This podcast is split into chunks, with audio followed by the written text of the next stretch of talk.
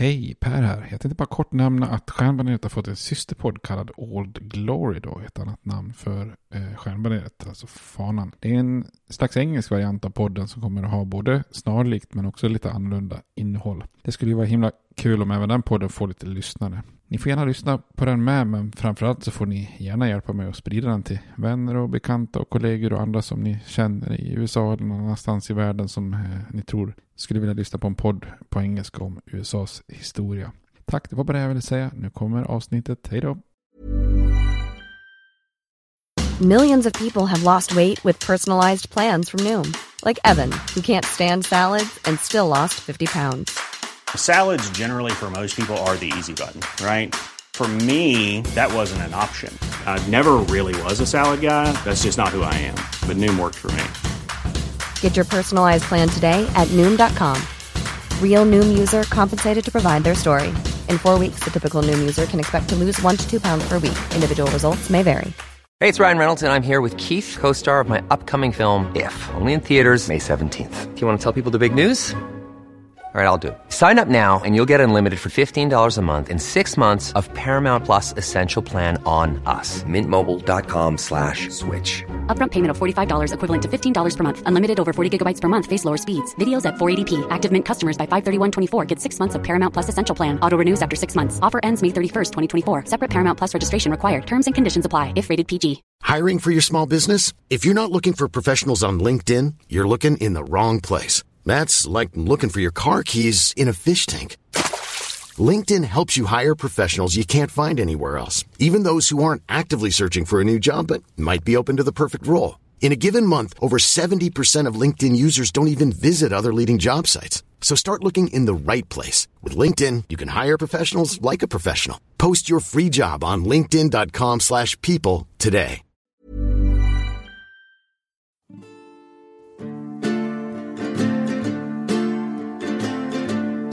We hold these truths to be self-evident, that all men are created equal, that they are endowed by their Creator with certain unalienable rights, that among these are life, liberty, and the pursuit of happiness. Now we are engaged in a great civil war, testing that government of the people, by the people, for the people, shall not perish from the earth. And so, my fellow Americans, ask not what your country can do for you, ask what you can do for your country. I have a dream my four little children will one day live in a nation where they will not be judged by the color of their skin, but by the content of their character. Mr. Gorbachev, tear down this wall. I did not have sexual relations with that woman, Miss Lewinsky. Då säger jag hej och välkomna till Stjärnbaneret, en podcast om USAs historia med mig Per Fjärdingby. Eh, jag inledde förra avsnittet med, med lite olika poddtips och jag glömde faktiskt en av mina absoluta favoritpoddar eh, som jag måste rekommendera också. är Kentucky 7 med Magnus Sävström och Jonas Lövendal som är två killar som går den här fullständigt briljanta idén om att skildra samtliga 50 delstater då, från egentligen då Alabama till Wyoming då, med ett, en delstat per avsnitt. Så kör de en liten så här faktaruta, går igenom lite kända personer, vad som är typiskt för den där delstaten och lite, ibland lite udda företeelser. Eh, ibland kör de också lite intervjuer i vissa avsnitt med någon som koppling till delstaten då. Men en eh, skitrolig podd att lyssna på, extremt rolig. att lyssna på deras tugg där, det är god Göteborgs humor och dessutom är det också väldigt mycket härlig musik som, som verkligen är ett sånt eh, ämne som de eh, behärskar bra, Magnus och Jonas. Så att eh, det kan jag rekommendera det. I 50 avsnitt plus en liten efterfest. Så att eh, Kentucky 7 eh, ska, ska ni inte missa. Eh, I förra avsnittet då så pratade vi om hur den här progressiva rörelsen blev nationell och flyttade in i Vita huset då. Mycket personifierat av Teddy Roosevelt själv då. Eh, och på tal om honom så pratar vi ganska mycket om hon, honom och hans liv då. Han är ju en eh, väldigt färgsprakande personlighet både på, på gott och på ont. Och han blir ju omåttligt folkligt populär. Eh, som president. Och dessutom så påverkar han ju landet väldigt mycket och speciellt kanske presidentposten där han är väldigt aktiv och, och tar steget mot en, en mycket mer modern presidentroll då. Eh, idag ska vi prata lite grann om hans eh, efterträdare Taft eh, och eh, även titta lite grann på hur de navigerar när det gäller internationella aspekter. Då. Så vi fortsätter den här översiktsserien helt enkelt och tar landet vidare här. Nu börjar vi så sakteliga närma oss här första världskriget som vi får göra en liten, liten paus vid. Innan vi tar det då så, så sa jag i förra avsnittet att vi går igenom Imperial Stout som Earth Tips den här podden. Och Eh, så hoppas att någon kanske har nappat på detta och köpt sig en, en, Imperial Stout. Och det är ju en, som det hörs på namnet, det är ju en utveckling av Stouten då. Eh, alltså en mer eller mindre svart eh, överjäst ale med mycket rostade toner och just det här med Imperial Stout då, så alltså just ordet Imperial har ju en spännande historisk förklaring därför att Stout var som jag nämnt tidigare, eh, ursprunget kommer ju från 1700-talets England, där det var lite av en nationaldryck under ganska lång tid. Då. Men vid den här tiden så fick också Rysslands hov upp ögonen för den här, den här drycken då. Eh, ingen mindre än eh, kejsarinnan själv då, Katarina den store. Eh, hon ville minsann sippa lite mörk bira om man har förstått det hela rätt. Då. Eh, och för att klara resan från England då, via Östersjön då, till ryska hamnar och vidare eh, för att hamna till slut i, i Katarinas glas så, så gjordes en exportvariant som skulle hålla lite längre. Då. Dels eh, att man har i lite extra humle och så att man gjorde den lite, lite starkare då, vilket innebar kanske från ursprungligen runt eh, 7 procent då så att säga. Är lite grann som eh, India Pale Ale som, som sägs ha ett ursprung, att man skeppade ölen till, till Indien då. Men eh, den här historien har satt sina spår och det är många av Östersjöländerna mellan England och Ryssland. Om vi tittar på till exempel Polen och de baltiska staterna, Finland, som har liksom en portertradition då. Så att där, där, på den vägen är det. Och det här är ju med andra ord också liksom redan från första början kan man säga lite av en pimpad stout. Och på den vägen är det då. I, idag kanske en Imperial Stout oftast ligger från 7% och ibland kanske till hela vägen upp till, till 12% eller händer till och med mer då. Eh, och det kan ju vara riktiga, riktiga smakbomber. Det här är liksom stouternas stout med massa rostade aromer och mörka maltsorter som ger sig choklad, kaffe, kakao och torkad frukt. Och, men också en del sötma från olika karamellmalter och liknande och dessutom eftersom den är alkoholstark så ger den lite sötma. Dessutom är oftast de amerikanska versionerna fullproppade med humlevarianter av olika slag. Och det är också inte sällan i liksom moderna versioner så har man också pimpat den med lite extra smaktillsatser. Det kan vara allt från typ chili, lakrits, kokos eller annat. Och vissa tycker om att ha rökmalt i den här så blir de lite, lite rökiga. Så passar liksom de rostade tonerna. Det är också en väldigt populär sort eftersom den kan lagras länge då när men den är alkoholstark och precis som när den skeppades till Ryssland så, eh, så kan man då lägga den på fat så får den lite fatkaraktär. Så att med andra ord om man ska summera Imperial Stout så är det kanske lite extra allt. Eh, en av de kanske mest smakrika ölstilarna som, som finns då, vilket jag också tror är att göra den väldigt eh, populär. Då, så att säga. Man kan ju gå på någon eh, klassisk brittisk då, Fullers Imperial Stout eller Samuel Smith Imperial Stout om man hittar dem. Eh, men det finns också bra svenska varianter. Poppels Russian Imperial Stout, eh, som ju faktiskt heter till och med Russian Imperial Stout.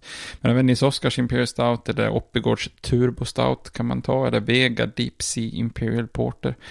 Sen kan man ju, tycker jag man kan omnämna en av mina lokala favoriter från Pine Ridge i, i Falkenberg med det underbara namnet The Harry Beavers Smoked Vanilla Porter som är en, en form av Imperial, alltså stark variant. Då. I nästa avsnitt tänkte jag vi skulle prata om eh, en typ av mörklager som kallas för Schwarzbier. Eh, och exempel på det om man hittar någon klassisk Steak Köstritzer Schwarzbier eller kanske ta en Störtebecker Schwarzbier om man vill ha något tyskt. Men man kan också testa Samuel Adams Black Lager om man hittar den eller Dugges Dark. Det finns vissa svenska varianter också då. Men eh, försök att få tag på en Schwarzbier eller Black Lager.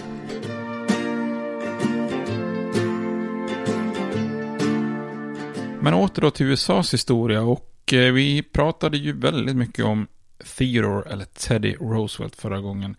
Eh, men han hade ju gjort ett löfte där om att dra sig tillbaka efter mer eller mindre två mandatperioder. Han tog ju över först som vicepresident eh, när McKinley vart mördad. Men eh, efter de här efter att bli vald själv då så gjorde han ett löfte att han inte skulle sitta mer då. Han lyfte som vi sa i förra avsnittet fram sin krigsminister William Howard Taft som sin arvtagare då. Eh, och det är klart att även om han lyfter fram som arvtagare så ska partiet acceptera honom då. Men, men eh, Taft han var acceptabel för de allra flesta då. För som Roosevelts eh, närmaste eh, pålitliga man då eh, och han plockade efterträdare så var ju den progressiva liksom, reformlinjen eh, eller reformgruppen inom partiet. De var ju nöjda, övertygade om att Taft måste ju vara en av dem då. Eh, en av Roosevelt och de progressiva.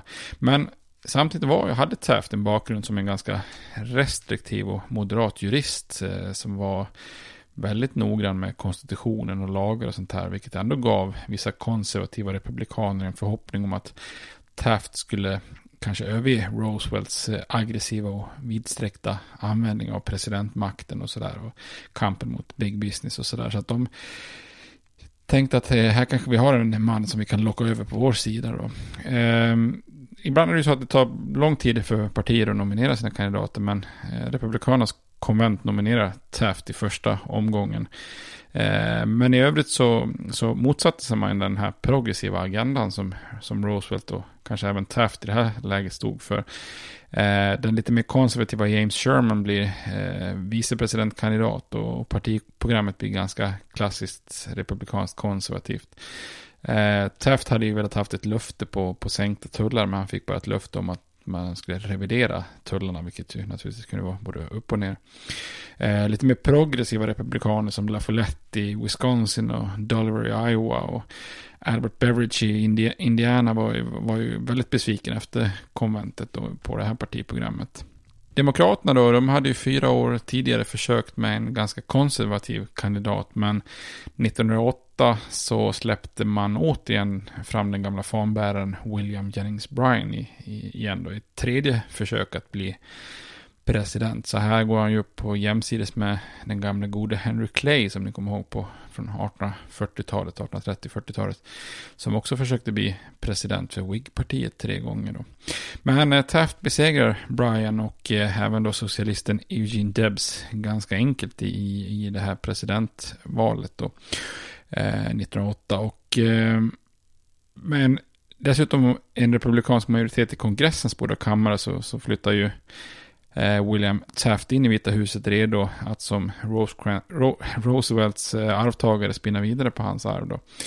Eh, hans år i Vita huset kommer dock inte att bli sådär superlyckliga. Fyra år senare så lämnar han Vita, husen, Vita huset ganska mycket som en, ja, ska man säga, nedbruten person med ett splittrat republikanskt parti och med, med demokraterna i kontroll både i Vita huset och i Kapitolium.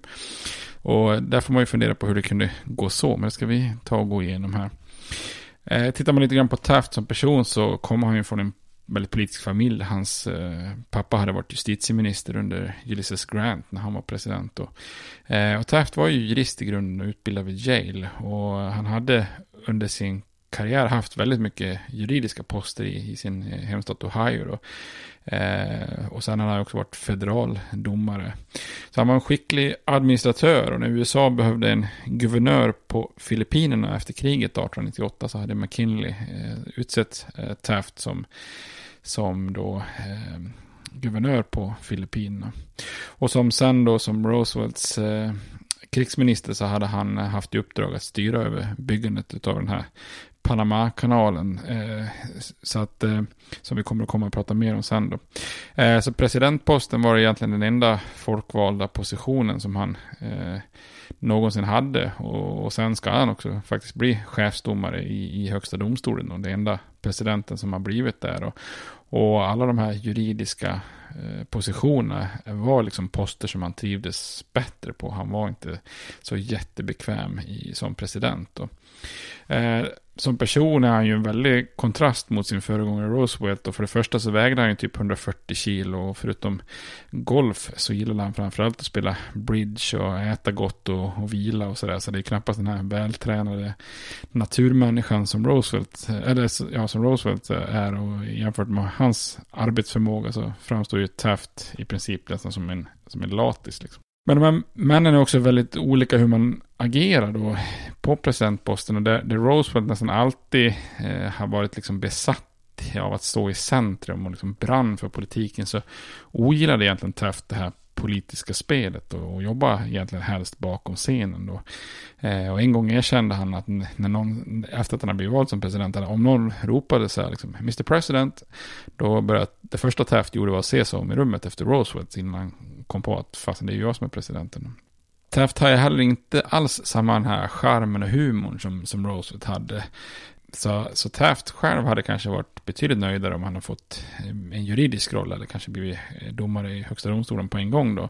Men här hade hans fru Helen Taft en ganska stark eh, drivkraft också då som en slags politisk motor som drev honom mot Vita huset. Så att när en plats i högsta domstolen var tillgänglig 1906 så tackade Taft nej till den nomineringen enligt eh, hans son då eftersom frun ville att han skulle bli president helt enkelt. Då. Eh, och här blir det ju lite ironiskt då för att eh, så fort eh, Taft och, och, frun Helen flyttar in i Vita huset så börjar hennes eh, hälsa vackla så att hon kan inte bli den här aktiva first lady som hon egentligen hade, hade velat då. Eh, och, och till råga på allt då, så trivs inte Taft riktigt själv då som president. Och det visar sig också då att eh, Republikanska partiet var ju väldigt splittrat mellan progressiva och konservativa. Och det här var ju en konflikt som kanske kom till ytan efter Roosevelt då. Och det här gör att Taft får stå där lite grann i mitten och velar lite. Och även om han till slut ställer sig på de konservativas sida eh, så är det ändå så att på många sätt så är hans arv eh, och hans mandatperiod eh, inklämd mellan två färgstarka presidenter som, som Roosevelt och, och Woodrow Wilson som kommer sen då. Så det gör att han hamnar lite grann i, i skuggan då. Eh, och han skulle vara, ja, vad ska man säga, han var en väldigt ärlig och allvarlig president som tvingades hantera eh, svåra utmaningar.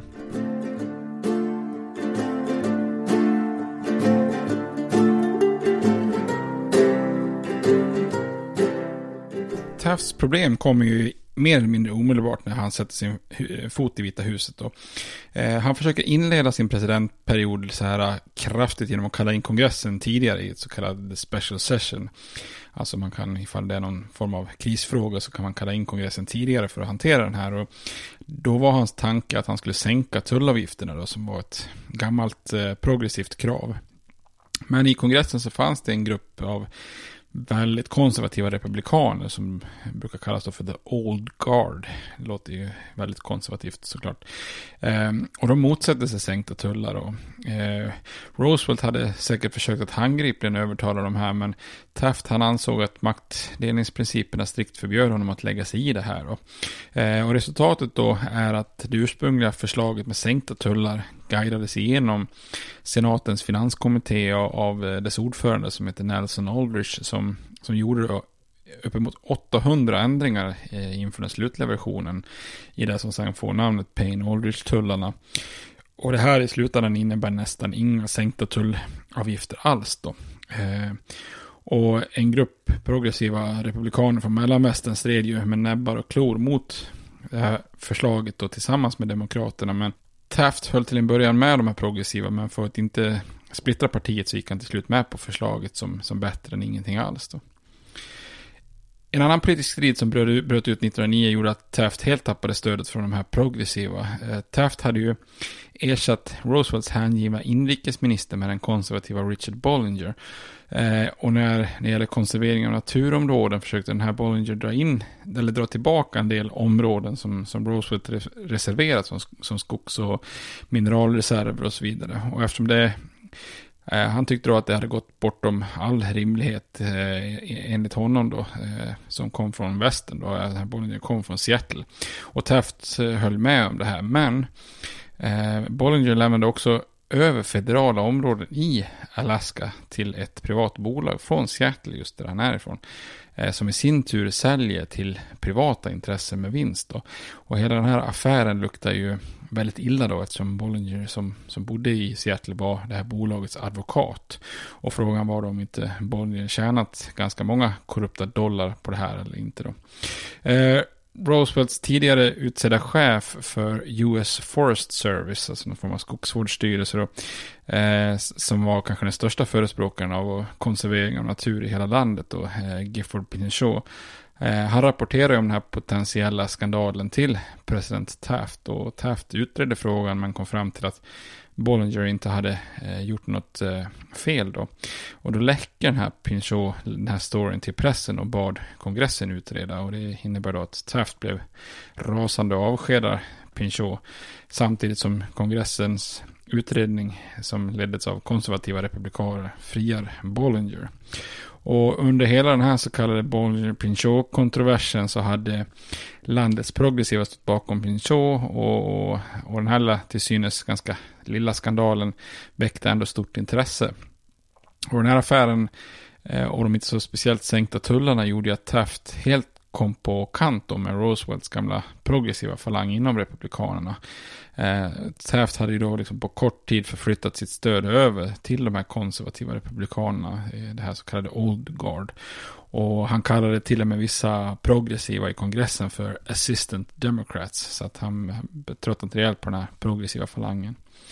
Så 1910 så eh, har USA en president som tagit en allt mer konservativ roll samtidigt som hela den här progressiva rörelsen nästan står på sin höjdpunkt. Eh, och mellanårsvalet 1910 visade tydligt hur långt den här progressiva revolten i USA nått och spritt sig då. Eh, och i de republikanska primärvalen så förlorade de konserva pro-Taft-kandidaterna i, i, val efter val samtidigt som nästan samtliga progressiva republikaner som stod för omval väldigt enkelt valdes om.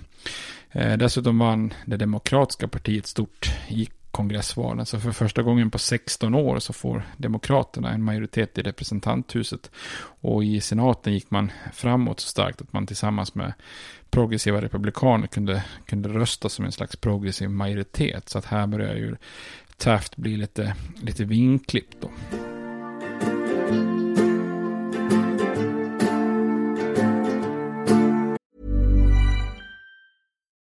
Millions of people have lost weight with personalized plans from Noom. Like Evan, who can't stand salads and still lost 50 pounds.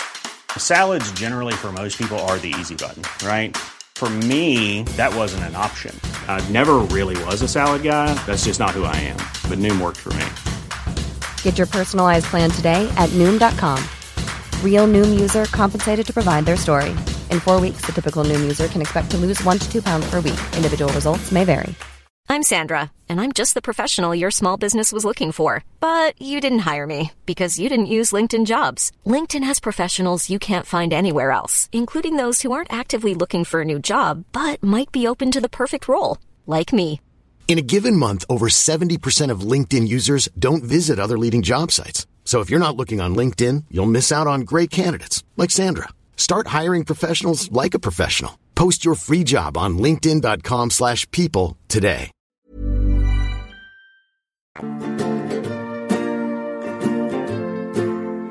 Jag tänkte vi skulle kolla lite grann på utrikespolitik under både Roosevelt och Taft. Ehm, för de flesta amerikaner så var ju utrikespolitik eh, både ointressant och, lite okänt i början av 1900-talet. Och en orsak till det var ju att till skillnad från inrikespolitiken eh, vid den här tiden så var det ju mer än liksom en strikt uppgift för presidenten då, alltså utrikespolitiken då. Eh, I inrikespolitiken så var ju presidenten beroende av kongressen för väldigt mycket, men i hanteringen av utrikespolitiken kunde presidenter som McKinley och Roosevelt, Taft och Wilson agera liksom tämligen fritt. Då. Eh, två viktiga undantag är ju förstås krigsförklaringar som måste göras av kongressens båda kammare och, och fredsfördrag då, som måste godkännas i, i senaten. Då. När USA gick in på 1900-talet med, med Theodore Roosevelt vid rodret så hade ju landet en president som var väldigt ivrig att ta sig an utrikespolitiken. Och han satte ju liksom ner sin rumpa i Vita huset med en stark övertygelse om att eh, USA skulle bli en världsmakt om diplomati inte räckte till så var han ju villig att ta till våldsamma medel. Samtidigt var han ju en realist kan man säga som inte såg till att USA tog sig vatten över huvudet på, på världsscenen och, och kunde agera restriktivt om man behövde då.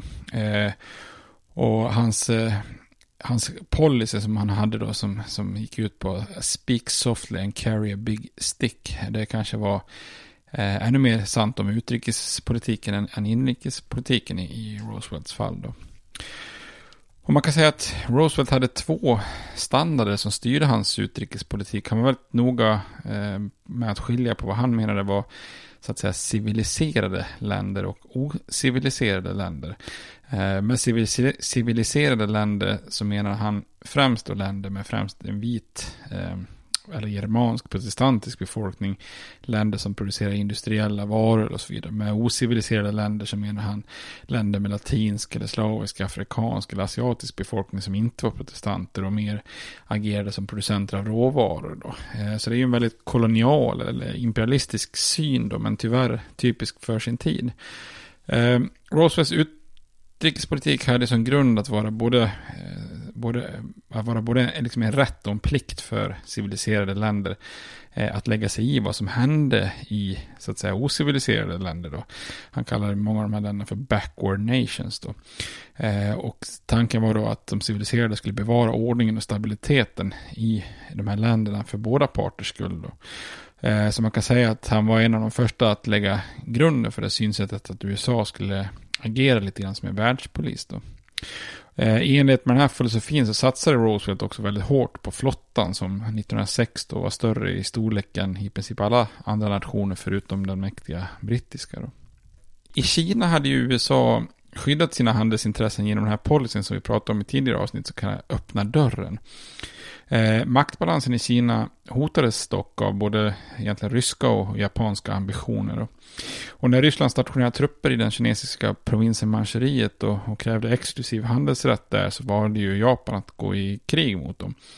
Och genomförde ett överraskningsanfall på den ryska flottan vid Port Arthur i södra Manchuriet. Då ja, ett, ett sånt överraskningsfall som man gör sen då med vid Pearl Harbor mot USA. Eh, och det rysk-japanska kriget handlar ju om att båda länderna hoppas kunna kontrollera hela den här provinsen. Och här erbjuder sig Roosevelt att medla i den här konflikten och i hopp om att inget av länderna skulle bli alltför dominant i, i regionen då. Och Ryssland hade ju inte mycket till val eftersom man lidit eh, svåra förluster då i det här rysk-japanska kriget. På en fredskonferens i Portsmouth i New Hampshire 1905 då så har Roosevelt bjudit in parterna då. Och där pressar Roosevelt Ryssland att acceptera Japans territoriella vinster. Eh, och så pressar han Japan att gå med på att sluta strida och inte expandera ytterligare i Kina. Då. Eh, Japan fick dessutom kontroll över Korea. Och i all hemlighet förhandlade han också sig till, alltså Roosevelt till sig rätt med japanerna att USA skulle få fortsätta sin handel i området. Då. Och för sin insats att medla den här freden så tilldelas ju faktiskt Roosevelt eh, Nobels fredspris. Den första amerikanen som, som någonsin fick eh, Nobels fredspris. Relationen mellan USA och Japan försämrades emellertid successivt under de kommande åren. Japan rustade upp sin flotta starkt och blev en riktig maktfaktor i Stilla havet. Samtidigt började man stänga sina territorier för handel med USA. Och Roosevelt gick inte in i någon konfrontation direkt med Japan, men för att vara säker på att Japan inte underskattade USAs flotta så skickade han 16 av flottans mest moderna och kraftfulla skepp på en slags turné kan man säga i, i Stilla havet så, som inkluderade en liten visit i Japan. Eh, Rosewood kallar de här skeppen för 16 Messengers of Peace. Eh, och faktum är att de här skeppen imponerade på japanerna och, och, en slags bräcklig men fredlig relation kom att eh, prägla kommande åren mellan USA och eh, Japan. Då. Tittar man vidare på Roosevelts utrikespolitik så var han ju väldigt aktiv i Latinamerika och agerade i ett antal händelser och länder i, i Latinamerika. Eh, 1902 till exempel så uppstod ju en kris i Venezuela eh, då landet eh, helt enkelt började strunta i att betala skulder till en, ett antal europeiska banker och skepp från både den brittiska och den italienska och tyska flottan började då blockera Venezuelas kust som motåtgärd och tyska skepp gick så långt att de bombarderade vissa hamnar. Eh, och rykten cirkulerar då att tyskarna är expansiva och tänker etablera sig på allvar i, i Latinamerika. Och det här blir ju på något vis ett uppenbart brott av den tidigare amerikanska eh, Monroe-doktrinen som lades fast redan på 1820-talet och som skrevs av John Quincy Adams eh, åt då, dåvarande president James Monroe. Då. Och den här löd ju att amerikanska angelägenheter helt enkelt strikt var amerikanska och att europeiska makter inte hade no någonting i den så kallade västra hemisfären att göra. Alltså varken Nord eller Sydamerika. Och på samma sätt då motsvarande så att USA inte skulle agera i europeiska angelägenheter. Och Roosevelt han använde den amerikanska flottan för att hota Tyskland och att dra tillbaka sina skepp då. Eh, och när den här krisen har klingat av så då använde Rose Roosevelt händelsen för att, ja, ska man säga, uppdatera Monroe-doktrinen eh, 1904. Lite grann Monroe-doktrinen 2.0 som fick namnet The Roosevelt Corollary.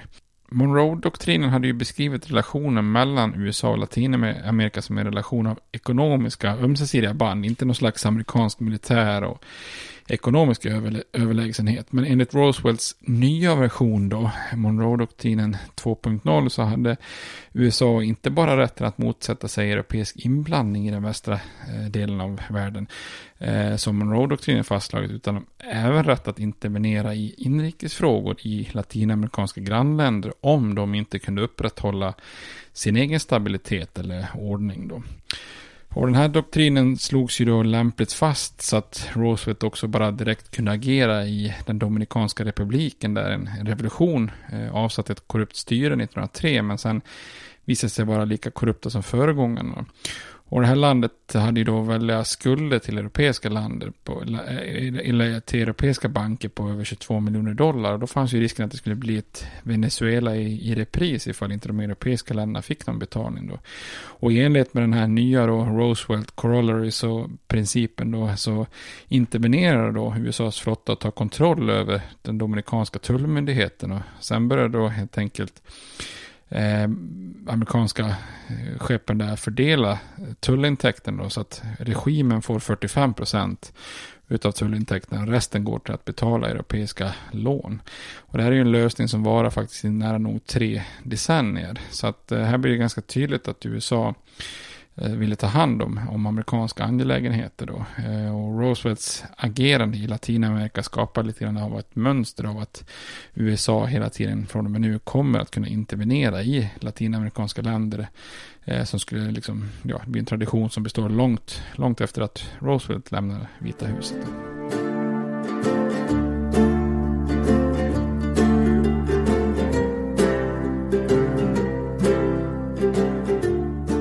Roosevelts kanske absolut viktigaste utrikespolitiska projekt det är ju att han driver igenom byggandet av Panamakanalen då. Att försöka länka samman Atlanten och Stilla havet någonstans i Centralamerika som ju är en idé som har funnits eh, väldigt länge. Och som eh, USA med sin nya flotta då och kust längs båda världshaven eh, naturligtvis är ytterst intresserad av. Eh, till en början så var det ju, var Roosevelt och även många andra amerikaner inställda på att kanalen skulle byggas i Nicaragua. Eh, där skulle visserligen kanalen bli längre än den sen blev i, i Panama, men fördelen var att rutten då skulle kunna underlättas av en stor sjö, då, Lake Nicaragua, och lite andra naturliga vattenvägar eh, utan någon större liksom, landförhöjning över havsnivån. Då. Så det var ju ett alternativ man tittade länge på. Då. Eh, Panama vid den här tiden är ju då en provins som tillhör nationen Colombia. Eh, och där hade ett franskt företag redan försökt att börja bygga en kanal. Men det här bygget hade av olika skäl stannat upp. Så även om geografin krävde betydligt mer i form av slussar och sånt i höjdskillnaden så var avståndet mellan haven kortare där då. Så ungefär 40 procent av Panamakanalen är redan byggd av fransmännen fast de tvingas sluta då.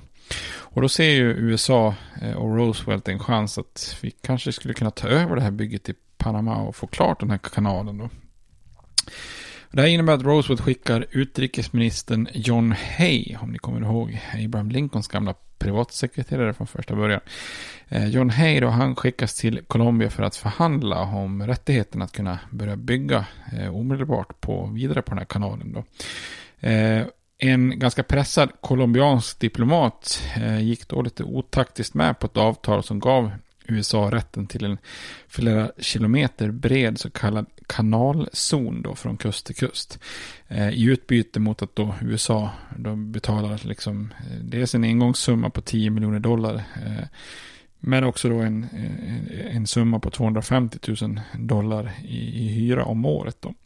Så det är lite grann som att köpa en bostadsrätt kan man säga, en engångssumma och sen en liten avgift att betala då.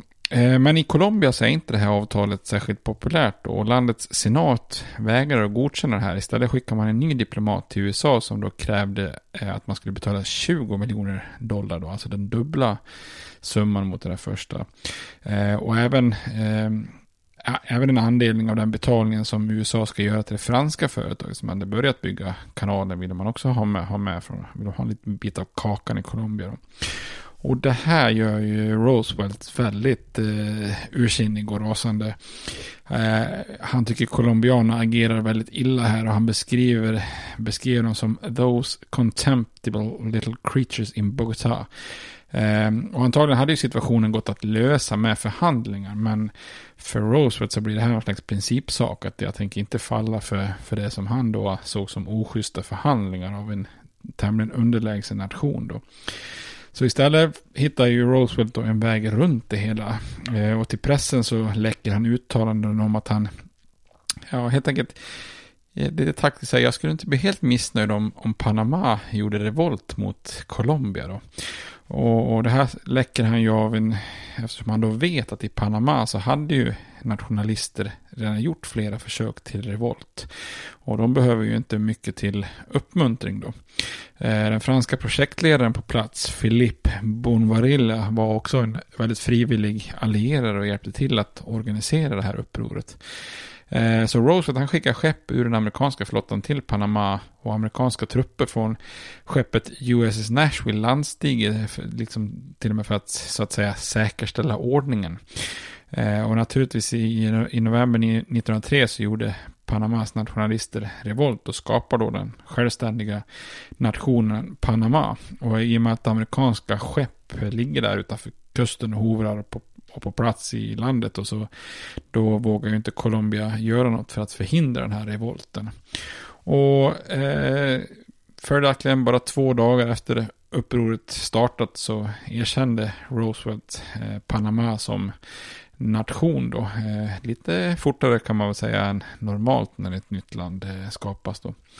Eh, och den här nya nationen Panama, de är ju också snabba att acceptera då USAs ursprungliga erbjudande om den här Panama-zonen som eh, kanalzonen då som Colombia hade försökt att förhandla om här då.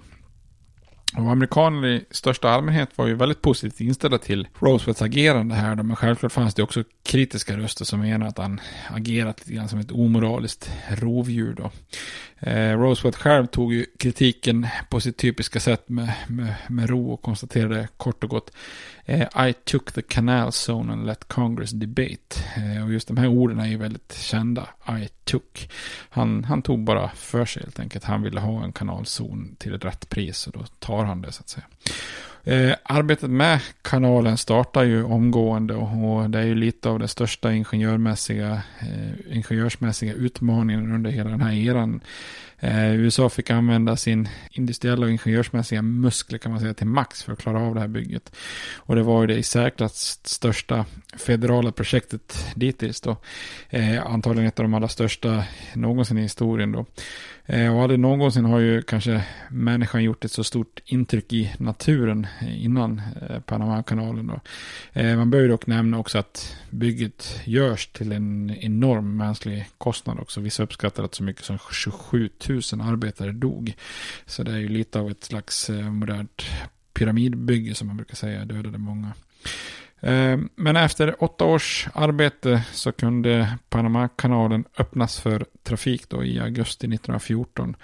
Och då innebär det att distansen för ett skepp att åka eh, mellan New York och San Francisco hade kortats ner då från runt 22 500 kilometer runt Kap Horn då. Man skulle ner runt hela Sydamerika till, till bara ungefär en tredjedel, 9 500 kilometer. Eh, och här kan man ju göra en koppling till mycket av Nordamerikas historia som, eh, som i den tidiga, liksom, om man tittar tillbaka på den gamla utforskningsresorna som gjordes eh, innan Nordamerika knappt var, var liksom koloniserat och de första kolonierna där det alltid, alltid, alltid fanns en baktanke om att man ville försöka hitta en, en eh, passage då genom Amerika för att ta sig mellan Europa och Asien då. Och den här många av de allra första utforskningarna och första kolonierna handlade just om att hitta den här nordostpassagen där. Och man, man, man eh, vart ju besviken gång på gång när man seglade upp för en, en, upp för en flod och insåg att den här leder inte till, på något vis till, till den andra sidan av kontinenten. Då.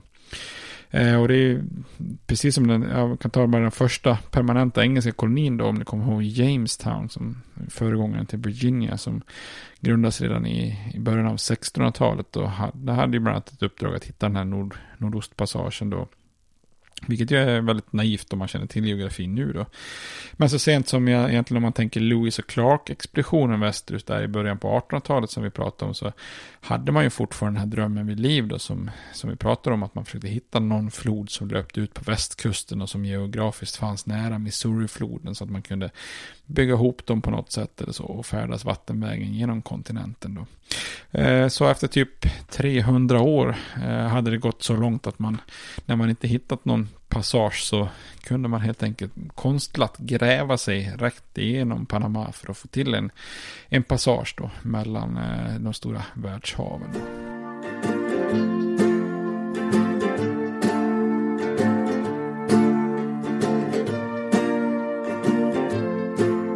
Men har vi kollat lite grann på Roswells diplomati. Även Taft, när han tar över, har ju en viss stil när det gäller diplomati och utrikespolitik. Då. Ehm, han var ju en president med ovanligt mycket erfarenhet av den utrikespolitiska scenen. Han har ju varit, borde varit Filippinas första civila guvernör efter det spanska-amerikanska kriget 1898 som vi pratade om. Också krigsminister i en tid då det hade varit mycket förhandlingar med militära inslag som till exempel Panama, Kuba och så vidare. Och när Taft tog över som president så delade han Roosevelts vision om att avancera landets ekonomiska intressen i Latinamerika. Men i övrigt så visade han eh, inte riktigt samma intresse som Roosevelt för någon större vision om, om USA som någon slags stabiliserande världsmakt. Utan han fokuserar väldigt mycket på, på Latinamerika. Eh, och tillsammans med sin utrikesminister Philander Knox så tar han fram en ny inrik, inriktning i utrikespolitiken som eh, där man sa att, att de skulle substituting dollars for bullets, eh, det vill säga amerikansk finansiell makt och inte militär makt skulle vara USAs främsta verktyg i relation med omvärlden. Då. Eh, så Taft han fortsätter därför Roosevelts policy om att intervenera i latinamerikanska länder, men främst då ekonomiskt. Eh, han är övertygad om att det största hotet mot europeisk inblandning i latinamerikanska affärer var just det här med olika lån som skulle krävas tillbaka med militära hot om, om länderna i Latinamerika inte klarade av eller struntade i sina ekonomiska löften. Då. Och, eh, och för att förekomma en sån utveckling så började helt enkelt Taft och Philander Knox då se till att europeiska lån i Latinamerika eh, ersattes av amerikanska lån. Då. Det är ju smart då, för då har ju helt plötsligt de här länderna lån snarare gentemot USA och inte Europa. Då kan inte den här problematiken uppstå. Eh, så USAs investeringar i Latinamerika ökade från Eh, runt 41 miljoner dollar 1908 till 93 miljoner dollar bara några år senare, 1914. Då. Och det här gör att Tafts utrikespolicy snabbt fick, eh, fick då lite kritiska namnet dollardiplomati. Eh, men, men Taft han tvekar heller inte att sända in marintrupperna för att skydda amerikanska investeringar. Och ett bra exempel på det är just Nicaragua där en revolt bryter ut 1909. Taft och, och Knox de sympatiserar med de här rebellerna och skickar, skickar genast amerikanska trupper som stöd. Och när revolten var genomförd och freden återvänt så uppmanade Knox också amerikanska banker att låna ut pengar till den nya regimen i landet. Och, och när den nya regimen i Nicaragua bara två år senare hotas av en, en revolt så skickar Taft amerikanska trupper igen för att stabilisera situationen. Och den här gången blir trupperna då kvar sen i mer än ett, ett decennium. Så att i takt med kan man säga varje insats och varje ökad dollar som är investerad i Latinamerika så ökar ju också det amerikanska intresset i de här ländernas interna angelägenheter. Så det här blir liksom lite grann av en ond spiral eh, om man ser det ur en väldigt negativ synvinkel. Och, och det här är någonting som, som verkligen går igen i historien sen, även fortsättningsvis på 1900-talet. Och även i senaten så försöker man skydda amerikanska intressen i Latinamerika. Och när ett japanskt företag försöker köpa landområden i Mexiko då, som verkligen är på USAs bakgård så, så reagerar många starkt. Eh, en av dem är ju senatorn Henry Cabot Lodge från eh, Massachusetts som driver igenom en resolution om att inga företag med anknytning till en främmande makt utanför de amerikanska kontinenterna skulle tillåtas att komma över eh, strategisk mark där. Och den här så kallade Lodge Collaterally så utökar Monroe-doktrinen igen och innebar att eh, den gällde både stater och företag som försöker, försöker lägga sig i amerikanska intressen. Så här har vi egentligen Monroe-doktrin 3.0 då.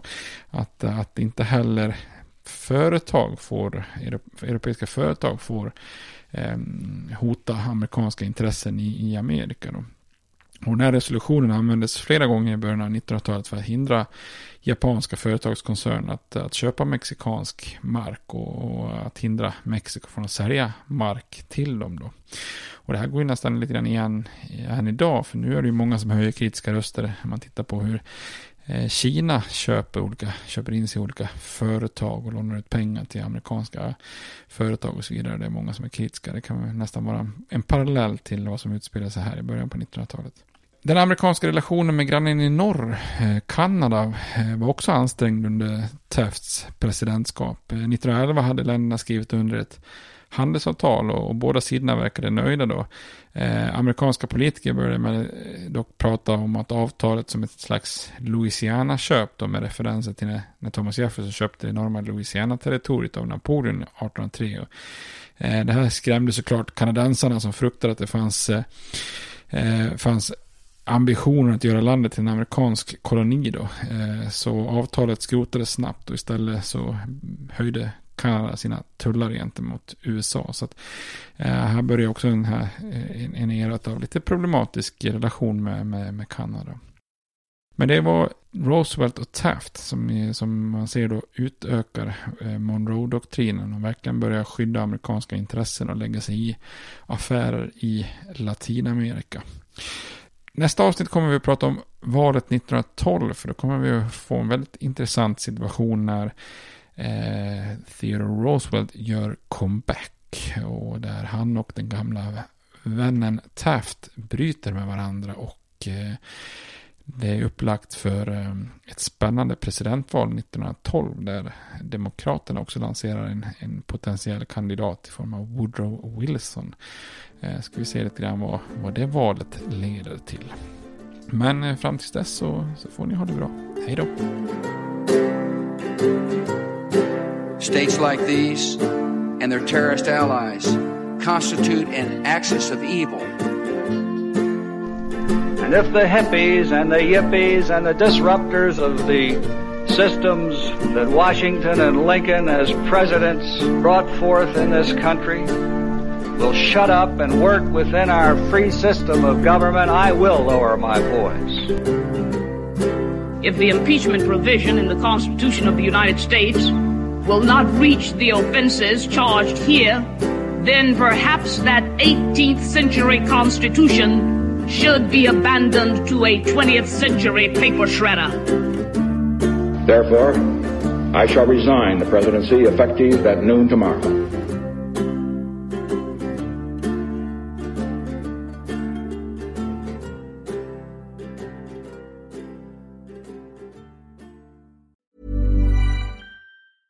Even when we're on a budget, we still deserve nice things. Quince is a place to scoop up stunning high-end goods for 50 to 80% less than similar brands. They have buttery soft cashmere sweaters starting at $50, luxurious Italian leather bags, and so much more. Plus, Quince only works with factories that use safe, ethical, and responsible manufacturing. Get the high-end goods you'll love without the high price tag with Quince. Go to quince.com/style for free shipping and 365-day returns.